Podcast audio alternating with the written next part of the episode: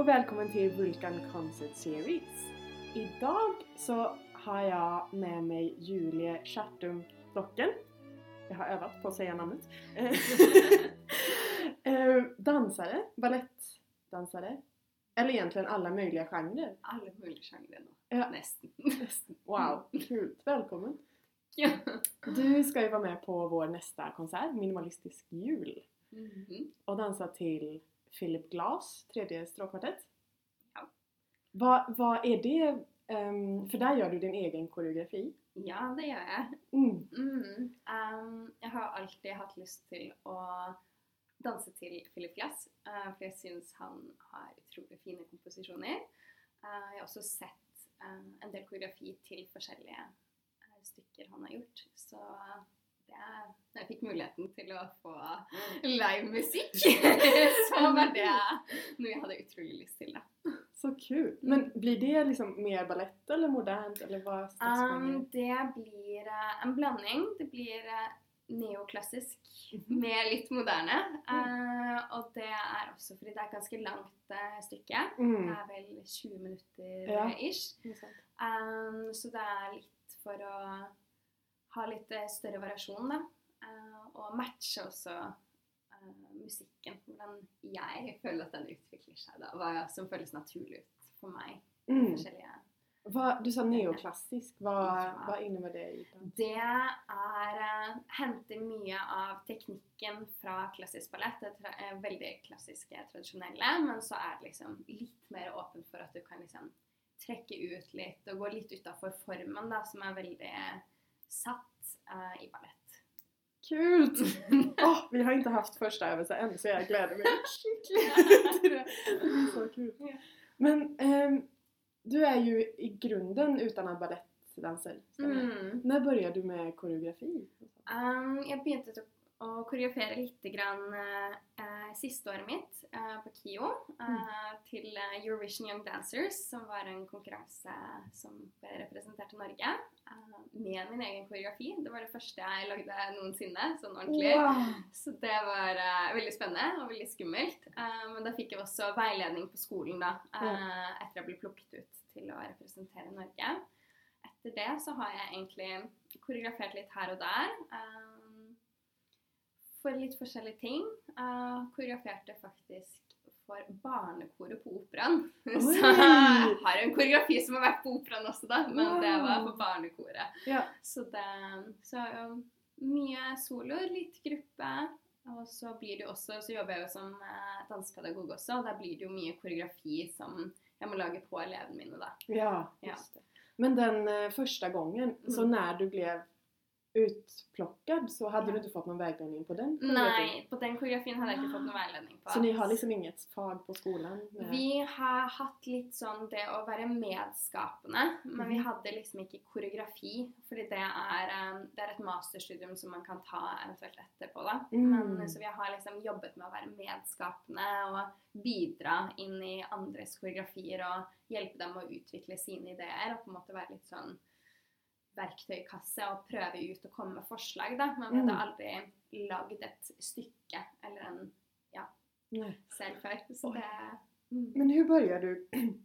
Hur började du då? Var det liksom Börjar man med musiken eller har du en historie, eller hva er det? I den, uh, der begynte jeg um, faktisk litt med hvilke følelser. Tenk Mm. på hvilke, hva jeg ville uttrykke. Uh, det var ikke en eh, veldig tydelig historie i starten, men den utviklet seg litt etter hvert som jeg utviklet bevegelsene. Mm. Så slet jeg veldig med å finne uh, musikk Mm. uh, til den soloen som jeg viste da først. Um, for jeg syns uh, det er hva jeg ser for meg av et lydbilde, og så er det hva jeg klarer å finne. Mm. Det fins sikkert der ute, men det er jo vanskelig å finne det man leter etter. Så fikk jeg eh, et tips av eh, en venn av meg som gikk på Moderne, da, om en sang som jeg da endte opp med å bruke. Mm. Men så endte jeg opp til forestillingen, eller den konkurransen, så endret koreografien seg en del, og da bytta jeg musikk, så da ble det på en måte en annen helt ny koreografi igjen uh, for meg, da. Både følelsesmessig og fysisk, selv om det var en del likheter. Ja. Og hvordan, når du fikk veiledning, liksom, Ja. jobba jobbar Eh, da jeg fikk veiledning da, så tok vi utgangspunktet i det jeg hadde satt. Uh, den var litt kort, fordi det var veldig sånn spesifikt hvor lang den koreografien skulle være. Og det føles også veldig stressende ut å skulle passe inn i liksom, jeg tror det var ett og et halvt minutt liksom, på liksom, det skulle være der. Og så vil du gjerne, du vil gjerne ut, uh, uttrykke noe, men så vil du gjerne vise, også siden det er en konkurranse, så vil du gjerne vise at du har tekniske ferdigheter. Så du føler liksom at det skal være mye inn på kort tid, da, uten at det skal virke stressende for publikum. Mm. Um, så da jobbet vi med hvordan jeg kunne gjøre visse deler fortere uh, og, uh, og, jobbe mer med mer skarpheter. Fordi jeg er veldig sånn lyrisk danser naturlig, så hvis Mm. jeg får bestemme og bare kose meg med dans, så blir alt veldig sånn mykt og sakte. Mm. Så jobbet med å jobbe mer med attacker og utvikle litt mer dynamikk da, i soloen. Fordi den var ganske jevn, den utgangspunktet. Mm. Så hadde jeg også uh, klart å tråkke over og ryke leddbåndet i høyre ankel en måned før jeg skulle i konkurransen. Så, da måtte vi, så vi måtte endre en god del av soloen, eh, fordi den var, den var ganske mye stående og en del hopp. eh, Mm. og piruetter og sånn snurrer. Mm. Og det kunne jeg ikke gjøre, for jeg kunne egentlig ikke putte full vekt på foten. Så da endra vi til at det ble mer, mer moderne og mer gulvarbeid, da, for da Mm. kan jeg putte mer vekt på hendene. Så da, så da tok det litt annen vri enn det som eh, jeg originalt hadde tenkt. Men det var jo spennende. Ja. Spennende. Oh, wow! Ja, det måste herregud, att det kan liksom, att det händer så långt innan. Såklart det påverkar. Ja. Det är bara, oh wow. Så det, det, det er jo også noe når man koreograferer, at man må ta hensyn til eh, kroppen. Mm. eh, og hva, hvordan kroppen er i den perioden. Mm. Eh, og det, det er jo spennende, det også. Det er jo en ekstra utfordring. og- Men det kan også gjøre at man eh, går litt utafor sin egen vanlige boks. Fordi det er ofte ting som man liker å gjøre, så er det lett å bruke det opp igjen. Men hvis Mm. man eh, får en utfordring eller en eh, får noe du Nei, nå kan du ikke gjøre det. Så må du finne nye løsninger. Da, så kan det bli ofte litt mer kreativt. Ja. At man bare går i de samme banene og opp igjen. Det er kult. Så, Men på, som musiker eller i musikervärlden så har jeg min opplevelse, jeg vet ikke om det stemmer for alle, er at liksom man er veldig ehm, det är ganska uppdelat mellan olika genrer. Man är liksom klassisk musik, musiker eller man är improvisationsmusiker eller jazzmusiker och sånt. Att man håller sig lite i sitt bås. Ja. Och jag har för exempel varit livrädd för att improvisera ganska länge. Tills min pojkvän bara knuffar mig ut i det. ja. um, men är det liknande på dans eller? Um, det er litt lignende, men det tror jeg er litt mer flytende enn Mm. musikk. Um, det er også fordi dansemiljøet i Norge er litt mindre enn det musikkmiljøet er. Mm. Uh, og særlig som frilanser. Så Og det er jo mest frilansere. Vi Ja. har jo bare to, eller nå tre nasjonale kompanier. Mm. um, som, og, så det er ikke veldig mange som får, får fast jobb, da. Hur många är det varje kompani? Uh, I Nasjonalballetten så er de ca. 60 dansere, men det er veldig internasjonalt. Mm. Uh, så det er flere som uh, ikke er norske, enn som er norske der nå. Mm. Så er det rundt tolv stykker i Carte Blanche, som er i Bergen. Det er et samtidsdanskompani. Mm. Og så er det akkurat nå i våres så starter det opp et nytt kompani i Bærum. Uh, Nagler Skia Productions. Nå vet jeg ikke hvor mange de er fast tilknyttet til det. Jeg tror det er litt mer prosjektbasert for nå. Så det er, eh, det er få faste jobber. Ja. Eh, og det gjør jo når man er frilanser, så blir man litt tvunget noen ganger til å takke ja til ting som kanskje er litt utafor sin komfortsone. Mm. Eh, men det som var fint, var at selv under utdannelsen min så hadde vi de andre stilene på skolen. Vi hadde selvfølgelig hovedvekt av klassisk ballett, men vi hadde, vi hadde moderne, vi hadde samtidsdans, vi hadde improvisasjon. Vi hadde litt grann komposisjon, og vi hadde litt jazz. Så vi Mm. hadde vi har liksom hatt litt smakebiter eh, av det. Ja. Men så har jeg selvfølgelig gått mye på kurs eh, etter jeg var ferdig i Ja. 2013. Tatt eh, Reist i utlandet, gått på workshops for å skjø- eh, Jeg har jo så respekt for de andre sjangerne også, så man kan ikke bare si sånn Å ja, fordi jeg er klassisk danser, Nej. så får jeg til alt. Eh, fordi det er jo ofte Det er mange klassisk dansere som mener sånn at ja, ja, hvis, hvis man først har klassisk i bunn, så er det mye lettere å gjøre det andre. Mm. Og det kan jo være sant, men det er også en litt overlegenhet noen ganger, fordi de ikke skjønner dybden og vanskelighetsgraden av de andre sjangerne. Eh, så jeg syns det var viktig å Før jeg på en måte begynte å bare definere meg som danser og ikke ballettdanser, så tok jeg mye klasser, mye kurs, mye workshop. Og jeg fremdeles så er jo ikke Jeg vil ikke si at jeg er verdens beste Altså, jeg er jo sterkere klassisk enn jeg kanskje er i moderne, Mm. eh, men jeg er eh, god nok da, til å utøve det uh, profesjonelt. Mm. Um, så Å, så kult! Så du har liksom den nysgjerrigheten på ja. alla. Og sånn som vi snakker om med improvisasjon, Mm. det er jo eh, som når man kommer som klassisk trent, så er jo det som det føles helt umulig. Fordi man er sånn Ja, men alt du, Det er en oppskrift, Mm. og du må vite hva som kommer etter den forrige tingen for at det skal fungere. Eh, man, og man er veldig sånn satt i at du, du må gjøre akkurat den kombinasjonen som du har fått. Eh, og det Det er bare å øve seg og øve og øve, øve på Mm. det. Um, jeg så akkurat opp en video av meg som improviserte. Det var rett, ett år etter at jeg hadde gått fra skolen. Jeg husker jeg var så fornøyd med den. og bare, åh, det er så bra. Mm. Sånn.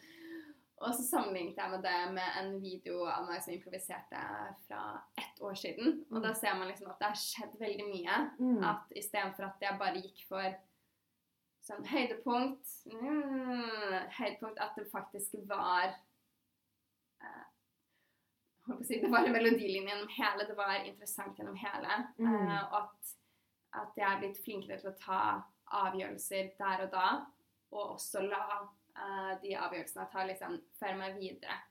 Så det, men det er noe man må også øve på, og det er mange verktøy som man kan få, som jeg har fått gjennom å ja, Mm. dra på workshops og få litt grann flere knagger å henge det på. For det er ikke bare å stelle deg opp og spill, Nei. stelle deg opp og dans, eh, som mange som ikke har bakgrunn eh, Ja, kan du ikke bare danse noe? Ja. Kan du ikke bare spille noe? Så jeg sånn Nei! Det, det, det er ikke sånn det fungerer! Uh, uh, fordi det er veldig lett å tenke det, og særlig Og det har, følte jeg meg veldig sånn Når jeg var ferdig utdannet, så bare Ja, men kan du ikke bare danse noe? Mm. Sånn, Nei, uh, det er ikke det jeg er. For det første så må jeg varme opp i 45 minutter før Ja. det blir noe bra. For det Mm. andre så er det ikke sånn ballett er bygd opp, at du bare skal. Um, men eh, så det, det må man også få verktøy innen, rett og slett. Ja. Men selvfølgelig så hjelper det jo når man har bakgrunn innen én sjanger, så har man knagger å allerede henge det på. Så det, jeg tror det går fortere å lære seg når man allerede har bakgrunn, uansett hvilken sjanger man har det i. Mm. Når man skal lære seg noe nytt, når man har en god bakgrunn, og hvis man er nok interessert og er villig til å også være sånn OK, greit, dette gjør man i denne sjangeren, men i denne sjangeren her så er det kanskje noe som er nesten motsatt. Mm. Men det må du bare Sånn er det. Mm. Så du må klare å legge fra deg noen ting som på en måte var en veldig sånn vedtatt sannhet, og sånn er det. Mm. Men det trenger ikke å være Nei. overalt. Så man må liksom klare å balansere, hoppe litt inn og ut da, av sjangeren også. Åh, det er kult. Det kommer jeg Ja. også når jeg jag började öva, eller mm, spela barock eller gå till Mm. en barocklärare. Och bara saker som jag trodde att var det här gäller för all typ av Mm. cellospel för alltid. Mm. Det var plötsligt stämde inte längre. Nej. Och det var så här, Oj, jag har ett Mm. val! Ja, det, det, det, er- det er alle de der absolutte sannhetene som Mm. jeg tror er veldig vanlig i klassisk kunst. At det er sånn det er, og sånn Mm. er det. Og Sånn har det alltid vært, og så kommer det alltid til å være. Uh, og da tørre å liksom Å ja, men det fins flere måter. Det finnes, Dette er et valg. Dette er egentlig et stilistisk valg. Det er Mm. derfor det er rett. Ja. Selvfølgelig, det er jo en del grunnleggende ting kan man jo se gjennom uh, de sceniske danseformene, ballett, jazz og moderne, så det er mye felles også. Mm. Men det er ikke alt som er absolutte sannheter. Det er en del som er stilvalg, Ja. rett og slett. Så det Mm. mm. Kult. Men du sa at du har ballett i bunnen, eller Ja. hittade jag på det? Ja. ja. Men när, när började du dansa? Var du liten? Ja. uh, jeg begynte å danse da jeg var fire. Mm. Uh, da startet jeg Jeg hadde mast et år da, eh, på foreldrene mine om Mm. å få lov til å starte danse, og så var, fikk jeg lov til å starte da jeg var fire. Eh, da gikk jeg på Kirkenes ballettskole. Mm. Jeg underviser der også nå. Ja. Ehm, til jeg var tolv. Uh, og da søkte Eller moren min fikk meg til å søke på Operaens ballettskole, så da startet jeg der. Og gikk der til jeg var 15, og så startet jeg på Kunsthøgskolen da. Mm. Fra jeg var 16 til jeg var 18 og et halvt. Men det, altså at du, du kör master i et år da du var tre. Hva, Ja. hva, hadde du sett? Liksom, Jeg hadde du- sett uh, Flåklypa Grand Prix-filmen. Ja! Der er det sånn fyr som driver og danser magedans. Uh, så jeg ville være henne. Mm. Eh, så jeg, jeg, dans var Jeg tror ikke det var så viktig hva slags type dans. Mm. Eh, jeg ville bare danse. Og så, så hadde jeg mast et halvt år, da, for jeg hadde sett den. Og så tok jo moren min meg med på operaen, og så så vi Nøtteknekkeren. da. Mm. Og da var det det her jeg skulle gjøre, da. Ja. Så oh. men da jeg gikk eh, da, ja, til jeg var tolv, så drev jeg jo med mange forskjellige stiler. Da, da drev jeg Ja. både med ballett, jazz og moderne og stepping og litt, ja, litt oh, alt mulig rart. Fikk du prøve magedans magdans också? nei, det fikk jeg ikke prøvd. Eh, det har jeg fremdeles ikke prøvd, men det, det kommer. Ja. På meg neste steget. Um, så da fikk jeg prøvd mye forskjellig, og så da når jeg startet på Operaens ballettskole, så ble det jo da uh, mye ballett, Ja. uh, og ikke så mye annet. Uh, og så utvidet det litt grann da når jeg startet uh, på KIO, da. Eh, Mm. fordi da hadde jo flere timer om dagen eh, enn det vi kunne ha på kveldsskole, som det da var. Men da var det liksom hver dag även på operan? Ja, Ja, eh, da var det ja, mandag til lørdag. Eh, Så da var vi der mye. eh, og det var før eh, Rusløkka, som var et tilbud, talentsatsingsprogram i Oslo. mm -hmm. der hvor de kan der hvor ungdomsskolen er liksom lagt inn i skoledagen. da, så I stedet for å ha musikk og gym, så Mm. har de ballett. Så det er liksom sånn inkludert i ungdomsskolen. Så det er eh, Jeg var det siste kullet før de startet med det, så Oi. jeg gikk den eh, gamle kveldsskolen, da. Så, Så jeg så du hadde en sånn tolv 12 timmars Ja. skola? ja, Så jeg gikk da uh, vanlig ungdomsskole, og så dro jeg ned på operaen etterpå. Og Ja. var der ut kvelden. Og så Åh. dro jeg hjem. Oi. Herre, så du har bare jobbat stenhårt hele livet? Egentlig. ja, man må jo Det føltes Da jeg gikk på ungdomsskole, så føltes det egentlig ikke så uh, hardt ut. Mm. Uh, fordi det var eh, Jeg hadde jo Det som er fint da med danseundervisning, er at det er gruppeundervisning. Mm. Så du har en uh, klasse som du er med, og da har du, du har liksom sosiale rundt det. Jeg tror det er litt, litt uh, vanskelig sosialt for en del musikere, siden det har så mye én-til-én-undervisning. Mm. Så kan man kanskje føle seg litt mer alene i det. Men vi er iallfall en gruppe, og da er det liksom kameraderi da, eh, Ja. i det. Eh, og særlig på ungdomsskolen så gikk det egentlig veldig fint. eh, fordi mine beste venner drev med det samme som jeg drev med. Mm. Og da kom man Du dro rett fra ungdomsskolen ned dit, og så varmet du opp og snakket med dem. Og så hadde du klassen din, og så gjorde du eh, tøyninger og sånt etterpå. Og så, fikk liksom det sosiale Mm. ut av det. da. Eh, og så likte jeg jo selvfølgelig å danse, så da gikk det fint. Mm. Det var eh, hardere da jeg startet på KIO, Mm. eh, fordi da hadde jeg ikke den normale skoledagen i det hele tatt. Da var man jo kom man veldig tidlig om morgenen og varmet opp, og så hadde man alle eh, sin, og så var man igjen og eh, gjorde mer øvelser og tøyde, og så dro du hjem og så spiste og så sov du. Og så Mm. gjorde du det samme, og da hadde vi også skole på lørdager. Ja. Så det var KIO som var liksom det tøffeste.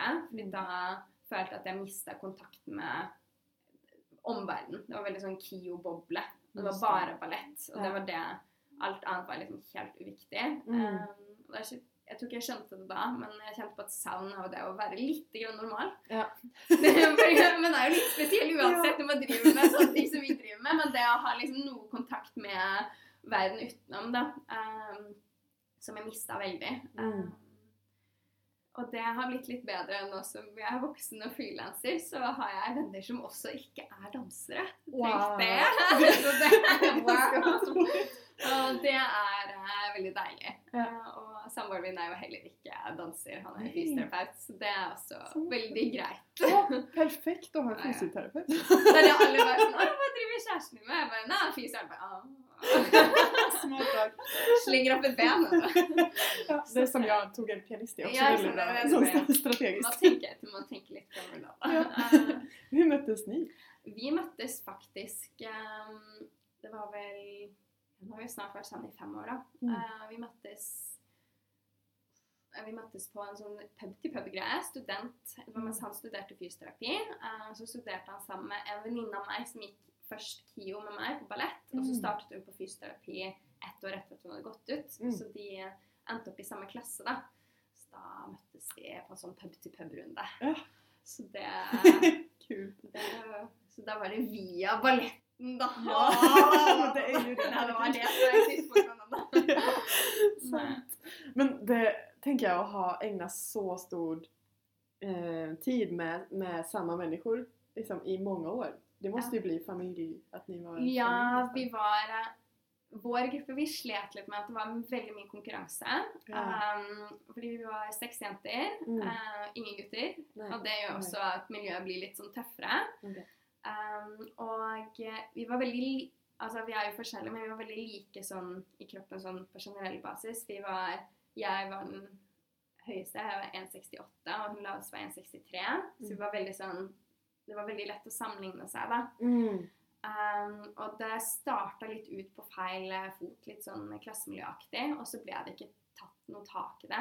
Mm. Uh, Iallfall ikke som vi opplevde det. Det kan godt hende at eh, det gjorde noe. Men Uh, Så det, det ble preget av eh, mye usikkerhet Mm. eh, og eh, mye eh, sånn at man følte at de andre ønsket at du skulle gjøre det dårligere for at de skulle se bedre ut. Litt den negativ konkurranse, da. For Ja. det, jeg har jo vært i miljøer hvor det er kjempebra positiv konkurranse. Ah, hvis du får til det, ah, det skal jeg gjøre Ja. Altså, liksom, det, det er jo kjempebra Mm. for å liksom få motiva holde motivasjonen oppe. Hvis man føler at liksom sånn, ah, hva skal jeg jobbe med nå? Så Mm. kan det være en veldig god motivasjon. Men det var, eh, det var et klassemiljø hvor alle følte seg veldig utrygge, tror jeg. Mm. Um, jeg følte meg ekstremt utrygg, og jeg tror de andre også gjorde det, men da jeg var 16, så tolket jeg jo dem i en helt annen Altså, Ja. nå, kan jeg se det litt retrospekt, og Ja. har lært litt mer om psykologi også, så jeg skjønner på en måte de andre situasjonen bedre også. Mm. Uh, men der og da så følte jeg meg veldig alene. Mm.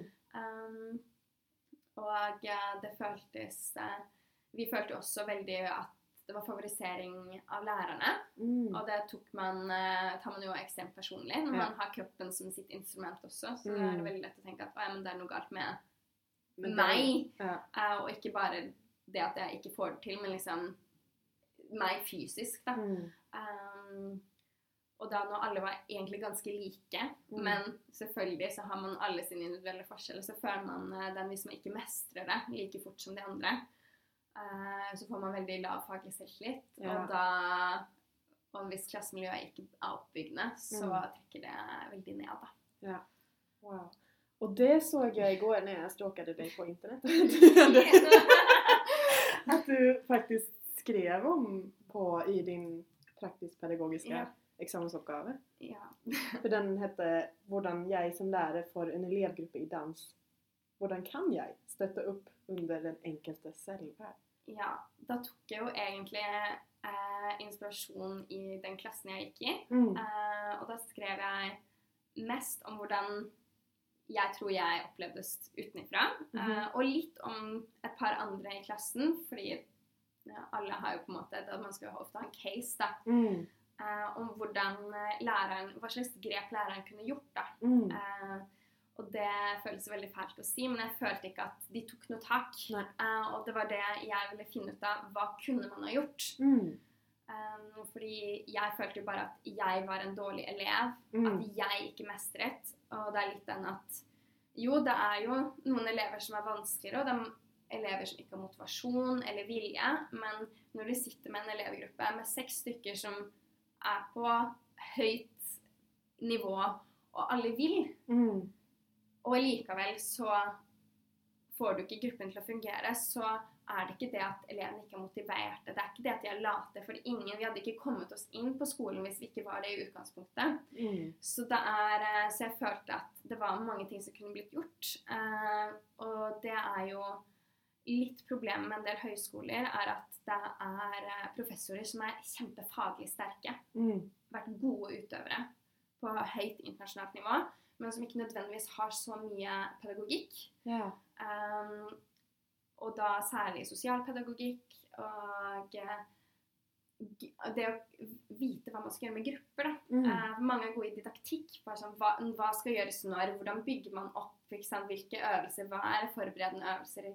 Ja. Veldig sterke didaktikk, men det pedagogikken som er liksom litt større, da, som Mm. omfatter eh, utviklingspsykologi, læringsteori Altså litt mer, og selvfølgelig det sosiale i gruppen, det, det er det ikke alle lærere eh, på høyskoler som er så sterke i. Mm. Og eh, siden vi var så unge, så eh, var det veldig viktig.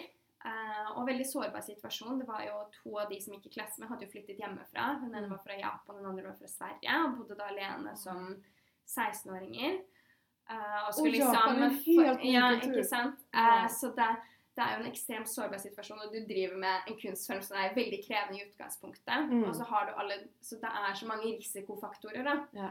rundt som kan trigge mye. Så da Mm. hvis ikke man har en lærer som evner å se og vite hva man skal gjøre, og ta tak, og tørre å ta tak Mm. Uh, For jeg vet jo det som lærer selv nå. eh, det er jeg veldig glad for. Jeg brenner jo veldig for uh, mental helse. Mm. Uh, fordi jeg har slitt mye selv. uh, mm. og ikke følt at jeg har fått den hjelpen Mm. jeg hadde trengt. Og også følt mye skam for at eh, nei, jeg er ikke sterk nok, jeg får ikke til. Og nei, men det er jo litt den gamle måten å tenke på sånn Ja, men hvis du ikke takler det, så er det ikke Mm. Da er du ikke like, cut out for it. Oh, Eh, gud, ja. uh, og da tenker jeg at da mister man så mange eh, For det første talenter rent fysisk, eh, Mm. men du mister også så mange stemmer da, eh, Mm. i et kunstfelt. Og det gjelder jo alt. Hvis det bare er de som da, da, blir det, da får du ikke den variasjonen som man gjerne skal ha. Og eh,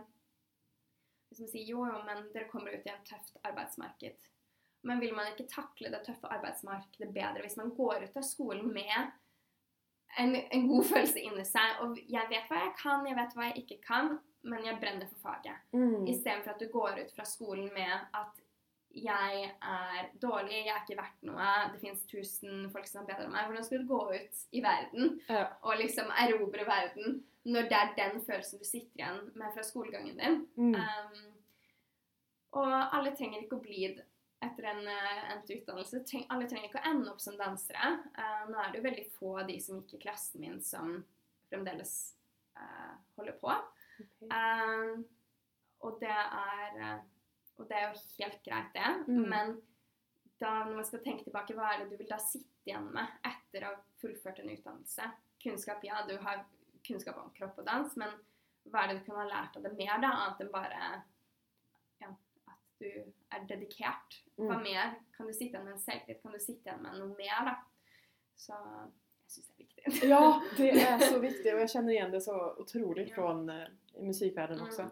Og, men där också den rent fysiske biten, om du har en kropp som responderer eh, på samme sett som læreren, som vi pratet om Mm. innan så da går det bra. Men om du har noen andre typer av Ja. utfordringar så bare tar man det på seg selv som sitt eget fel. Liksom. Og det, og det er jo ikke Jeg skjønner jo som belæringshelse så er det jo vanskelig, fordi alle har forskjellige kropper.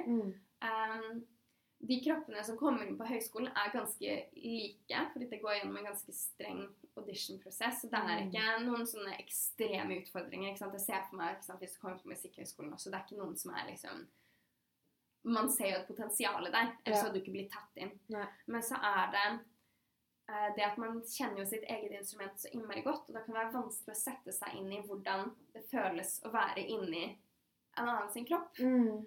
Uh, og jeg har, jeg er, har veldig løse ledd, veldig hypomobile ledd. Ja. Um, så jeg slet veldig mye med å stabilisere, Mm. og sliter mye uh, Jeg har blitt bedre nå som jeg trener veldig mye styrke, men sliter med at ting går ut av ledd, eller jeg ryker leddbånd. Det er veldig ustabilt, så jeg må hele tiden jobbe med å bare aktivere, aktivere, aktivere, aktivere, aktivere. Hele tiden mens jeg danser, så er det liksom Alt må på. Mm. Um, mens en annen danser i klassen min, selv om vi ser ganske like ut sånn i størrelse og lengde på ben og sånn, så hun hadde veldig høy eh, tensjon i musklene sine, så hun måtte jobbe med å, slappe av. Mm. Og da når eh, som lærer så må du klare å gi tilbakemeldinger til to stykker i samme klasse og tenke det helt motsatte. Ja. Og så kommer man jo inn i alt dette anatomiske. da, Hvor mye utoverrotasjon har du naturlig hofta? Mm. Hvor, hvor er du sterkest? Hvor, altså det er så mange bitte små forskjeller. Mm. Eh, så du må ha ganske stort innblikk ikke bare i din anatomi og anatomi generelt, og ikke bare vite om at det fins forskjeller, men prøv virkelig å se fra hvordan hadde det føltes ut hvis mine knær var motsatt av det de er nå. Hva, hva måtte, hvordan føler, hvordan oppleves det for eleven min? Mm. For det, en del lærere de hadde lært seg hva de skulle si til folk som liksom sa ah, ja, nei, men hvis du har sånn her, så, så skal du tenke det. Mm. Men siden de på en måte ikke hadde en førstehåndserfaring med hvordan det egentlig føles ut rent fysisk i kroppen, Mm. så klarte ikke heller å formidle det på en god nok måte til at Nei. man skjønte det helt. Og, men det er kjempevanskelig. Ja. Det, det er det. Så jeg har forståelse for det. Men Ja. ja. For det er også, i musikkverdenen så er det ofte veldig fokusert på hvordan det skal kjennes og hvordan det skal føles. Men så, så det var egentlig først når jeg begynte å lære meg om anatomi og lære meg mig liksom, hvilke muskler som faktisk behøves, Mm. og sånn der, og gjøre øvelser specifikt til dem. Mm. Som, ja, jeg har tatt en utdannelse i Timani de, eh, som ikke vet det. Som, speci spe, som spesialiserer seg på det for musikere og musikerskaper. Men eh, då, det var först då jag förstod liksom vad lärarna kanske menade. Ja. När jag då hade den konkreta kunskapen om, om liksom hur kroppen såg ut. Mm. För det att bara gå efter hur någon annan upplever, eller Ja. alltså det, det, Ja. det fungerade bara inte. Jeg hadde en eh, utrolig søt lærer som var kjempedyktig danser. Mm. Uh, men måten hun underviste på, responderte jeg ikke på i det hele tatt. Mm. Sånn som jeg husker en gang uh, jeg skulle gjøre en piruett. Mm. Julie, tenk lilla.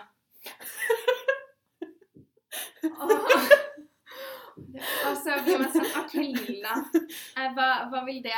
Og jeg, jeg, skjønner hva hun mener, fordi jeg kan også si masse sånne svevende ting. Men Mm. man må passe på at det ikke bare Fordi noen responderer veldig på sånne bilder. Ja. Men hva er lilla? For meg, jeg trenger veldig konkret. Jeg trenger Den skal dit. Dette er muskelen. Litt, Mm. Sikkert litt sånn som deg. ikke Ja. sant?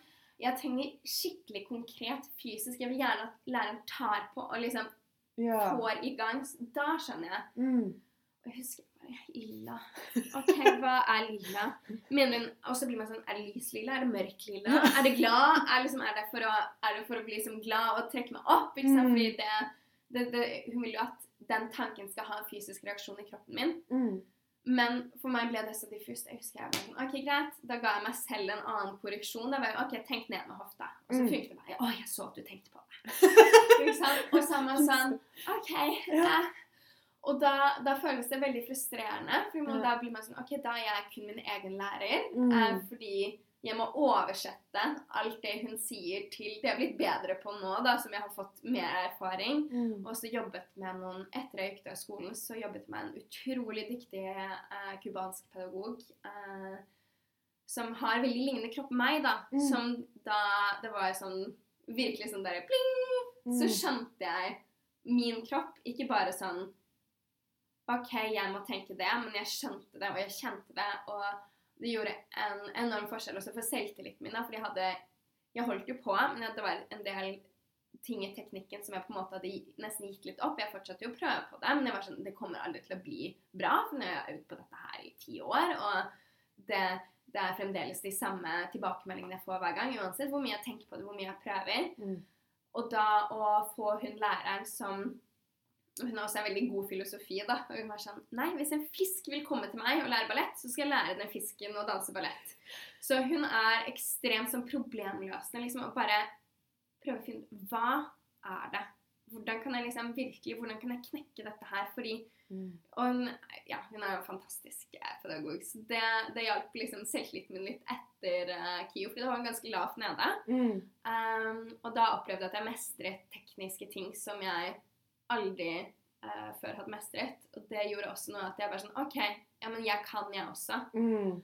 Fordi jeg hadde også fått, blitt fortalt Det handler jo også om det med å bygge opp under selvverd i en gruppe. Det var en ting del eh, Man sier jo når man som pedagog så sier man plutselig ting som bare Oi, det skulle jeg ikke ha sagt. Mm. Men ikke sant?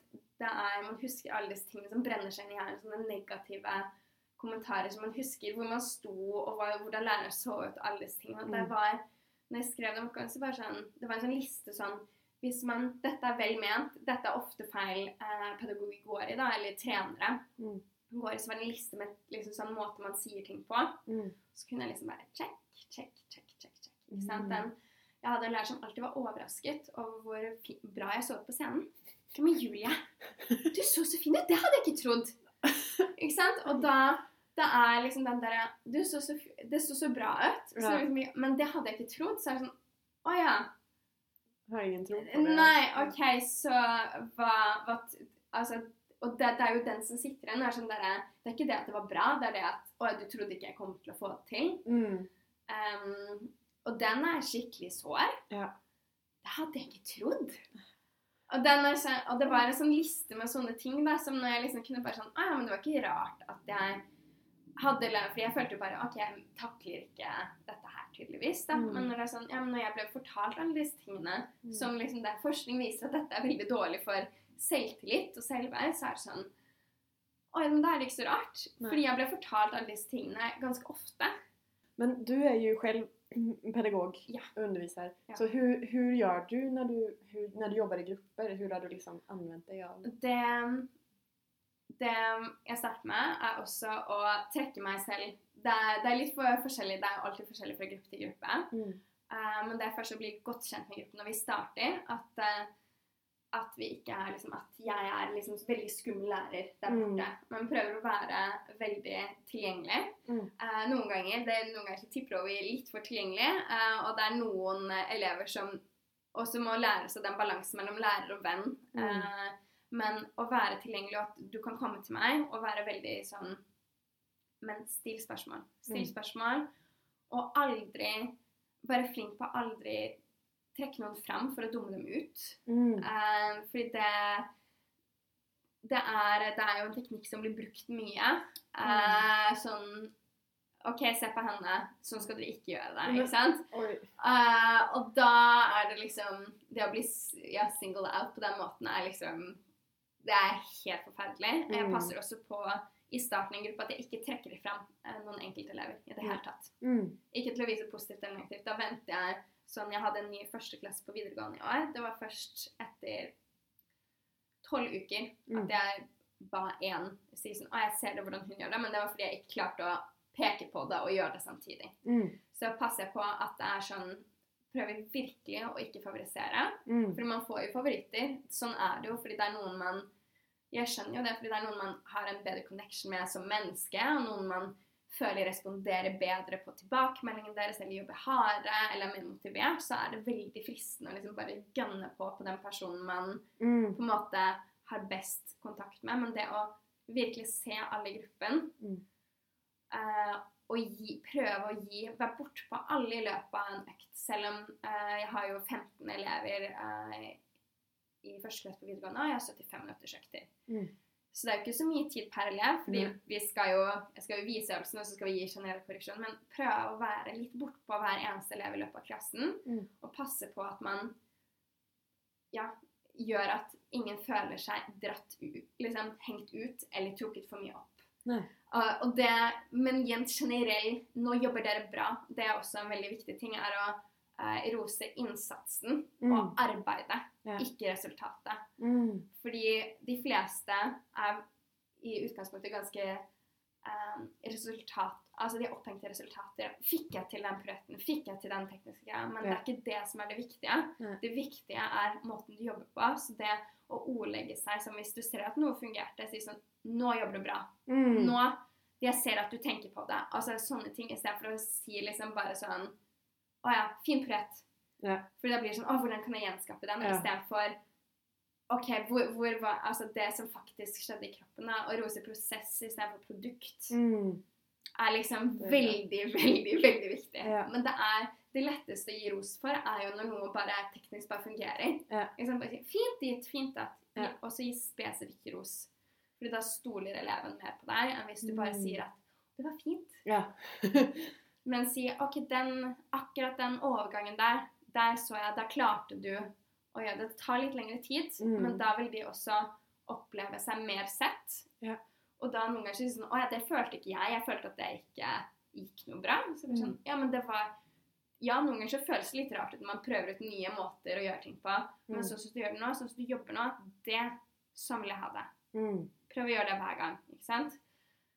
Eh, fordi hvis man føler at det er en mismatch med det læreren sier og din egen opplevelse, så begynner man jo også å ikke stole på læreren. Så hvis Mm. du følte at det gikk skikkelig dårlig, Mm. og så sier 'Å, så fint'. Mm. Så det er sånn, «Å, men da så du ikke ordentlig på meg engang. Eh, og da ser jeg sånn, hvis det er noe teknisk som Ok, det var noe som ikke gikk så bra, sånn Å, hopp, hei og hå, det går bra. Vi får liksom å holde dem i gang. sånn at det er så lett som hvis du feiler på noe teknisk, at sånn OK, nå gir, da må jeg starte hele greia på nytt. Ja. Og, og at det går fint å si sånn hvis, Fordi man er ikke perfekte. Og når man trener, det er jo trening. Mm. Og man må også trene på å gjøre ting feil, fordi plutselig skjer det på scenen også at du er, du er Det er veldig sjelden at du er perfekt balansert. Mm. At du finner Noen dager så er du der, men de fleste dagene så må du jobbe med det. Så du må finne ut av Ok, hvis jeg er litt off her, hvordan kan jeg fortsette? Hvordan Mm. kan jeg finne ut av det? Hvordan kan jeg gjøre det sånn at publikum ikke legger merke til det? Mm. Læreren vil jo legge merke til det, fordi jeg vet hvordan det egentlig skal være. Mm. Men det å øve seg på at det trenger aldri å være helt perfekt, men vi må finne ut av hvordan kan jeg jobbe rundt det? Hvordan kan jeg finne nye måter å gå videre på? Vi må pushe deg litt gjennom det. Også det at det er ikke farlig. Mm. Det er ikke farlig at det er litt off, fordi i tradisjonell kunstformer så er det igjen det er den der firkanten som du skal passe inn. Alt skal være helt riktig, og du blir egentlig ikke perfekt. Du kan Mm. jo aldri få det til Nei. helt perfekt. Det går ikke. Mm. Men du må fremdeles jobbe mot det. Men det er umulig. Så, Ja. det, er, det, så det er veldig vanskelig. Og da, det er veldig vanlig for klassisk dans at man blir litt sånn holdt. Man blir Mm. litt stiv fordi man er så redd for å gjøre noe utenfor formen, og at det blir feil. Det er liksom den største frykten at det skal bli feil. Mm. Men for å pushe deg videre, så må du, for å bli bedre etter et så må du tørre å gå litt grann utafor for å finne, finne nye måter å gjøre det på. ikke sant? Fordi skolering er veldig sånn veldig tørt, Mm. men det er jo ikke dans. Det er Mm. teknikk, ikke sant. Så det, det er jo det i løpet av høyskolen så skal du liksom gå fra at ja, du har jo godt grunnlag, men du skal bli, bli en danser. Det fortsetter jo gjennom hele livet. er jo hvordan jobbe med teknikk og på en måte det Och hva er forskjellen? Hva liksom slutter teknikken og börjar dansen? det, det er jo det som det, det henger jo sammen, ikke sant? Mm. Men det er på en måte Se for deg liksom når du startet med piano, når du hadde liksom sånn metronomen som var tuk, tuk, Mm. tykk, og du bare sånn Nei, du skal øve på akkurat være det. Det blir nesten litt sånn maskinelt. Mm. Eh, fordi det skal være helt riktig, og du må jobbe så sakte i begynnelsen, og så sakte og nøye og repetisjon, repetisjon, repetisjon, repetisjon.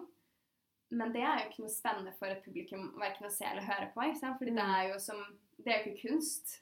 Det er riktig, Mm. men det er jo ikke noe spennende. Så det er det å kunne bruke teknikken inn i det å uh, uttrykke noe, da Mm. på en eller annen måte. Ja. Kan, men så må man jo for å kunne uttrykke seg gjennom kunstformen, så må jo teknikken være ekstremt sterk. Mm. Fordi det er jo kjempevanskelig. Mm. Teknikkbiten er jo kjempevanskelig, så du, det må være kjempesterk for at du skal klare å bruke det som et verktøy da, for, å få, for å uttrykke noe. Og det er det jeg tenker Det jeg slet med å se, da, er at teknikken er et verktøy. Teknikken er ikke ballett. Nei. Men teknikken er et verktøy for å kunne uttrykke meg. Mm. Eh, og eh, Men det er jo kjempevanskelig.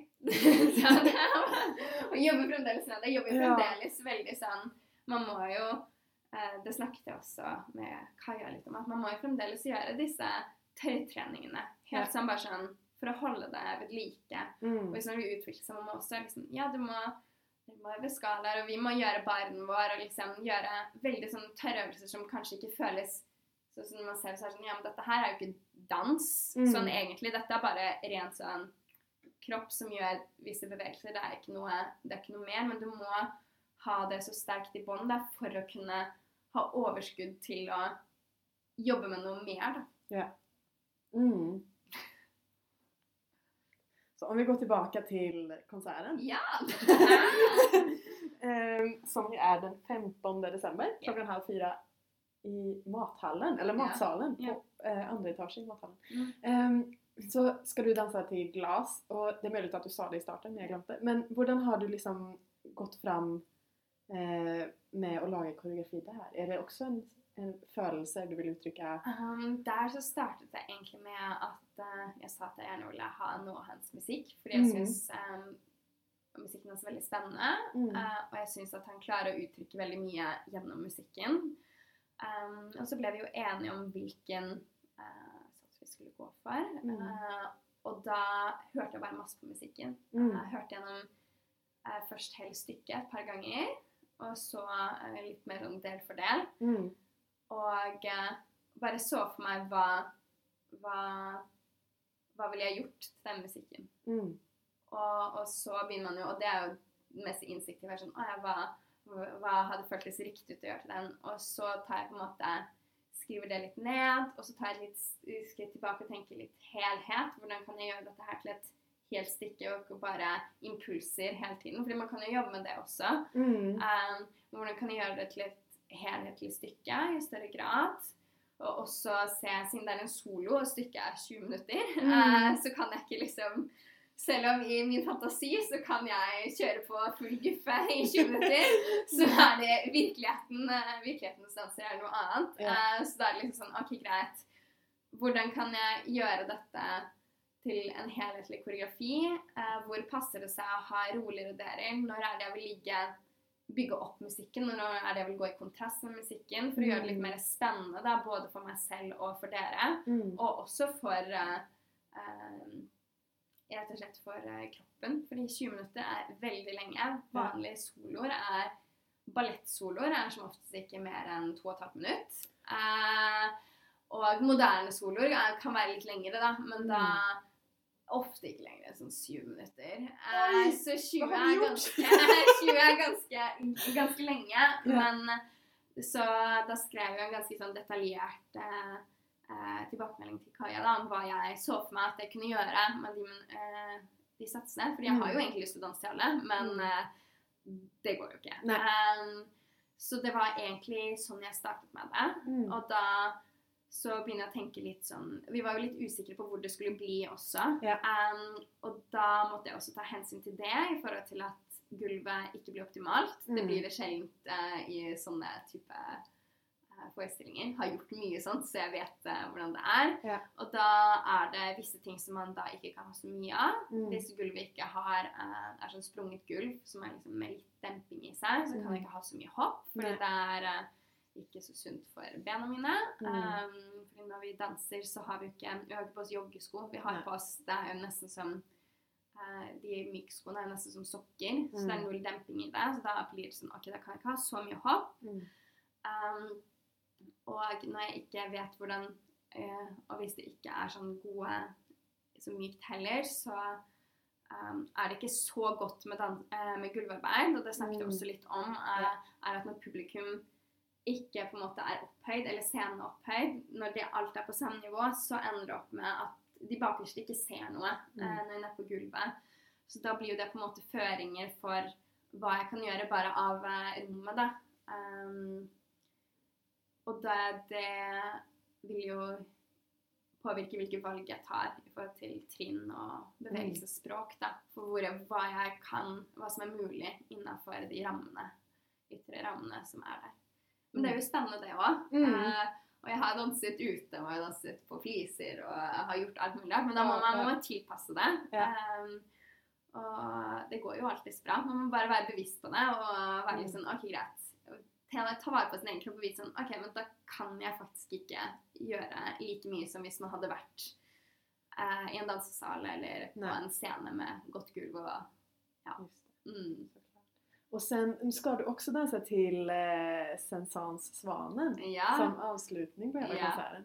Va, blir den mer traditionellt? eller? Ja, den blir, det blir en eh, ren klassisk koreografi. Mm. Uh, den blir på tåspiss. Eh, Mm. den har jeg gjort før, og grunnen til at jeg valgte den, er fordi jeg fikk aldri lov til å gjøre svanesoloer da jeg gikk på skolen. så hadde jeg, nå vil jeg Ja! Når jeg kan bestemme selv, så vil jeg gjerne gjøre det.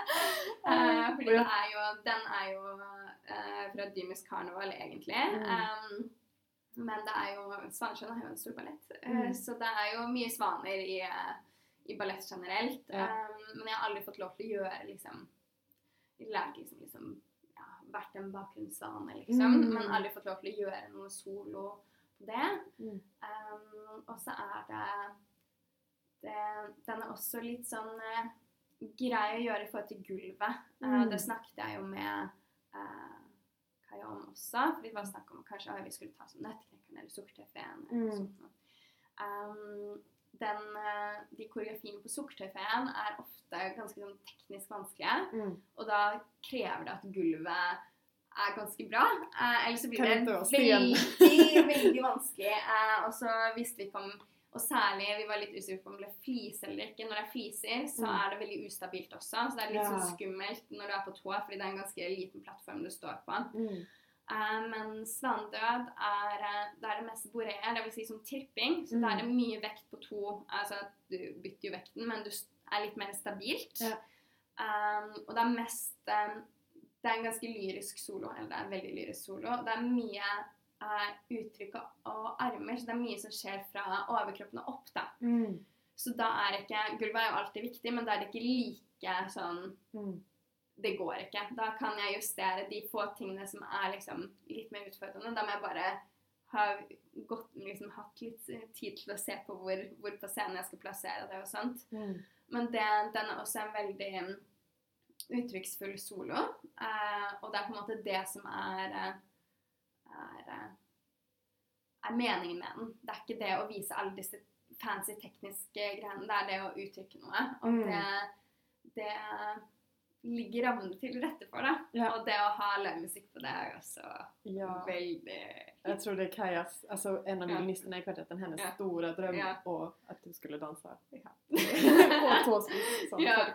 Det, så, og den Jeg gjorde den i januar i fjor også. Mm. Um, og det god tilbakemelding på den. Mm. Det er også Ja, kul! Åh, gleder meg til å se det Og Ja. se deg! Og få eller få spela. ja, frågan er mycket vi kommer konsentrere oss på å. Allt fokus på deg. Det er viktig med nok prøver, sånn Ja. jeg, og jeg bare Å, musikken! oh. Mm. Tusen takk for at Ja. du ville komme og prate med meg. Ja. Och konserten er som sagt den 15 december, halv fyra, i matsalen i mathallen.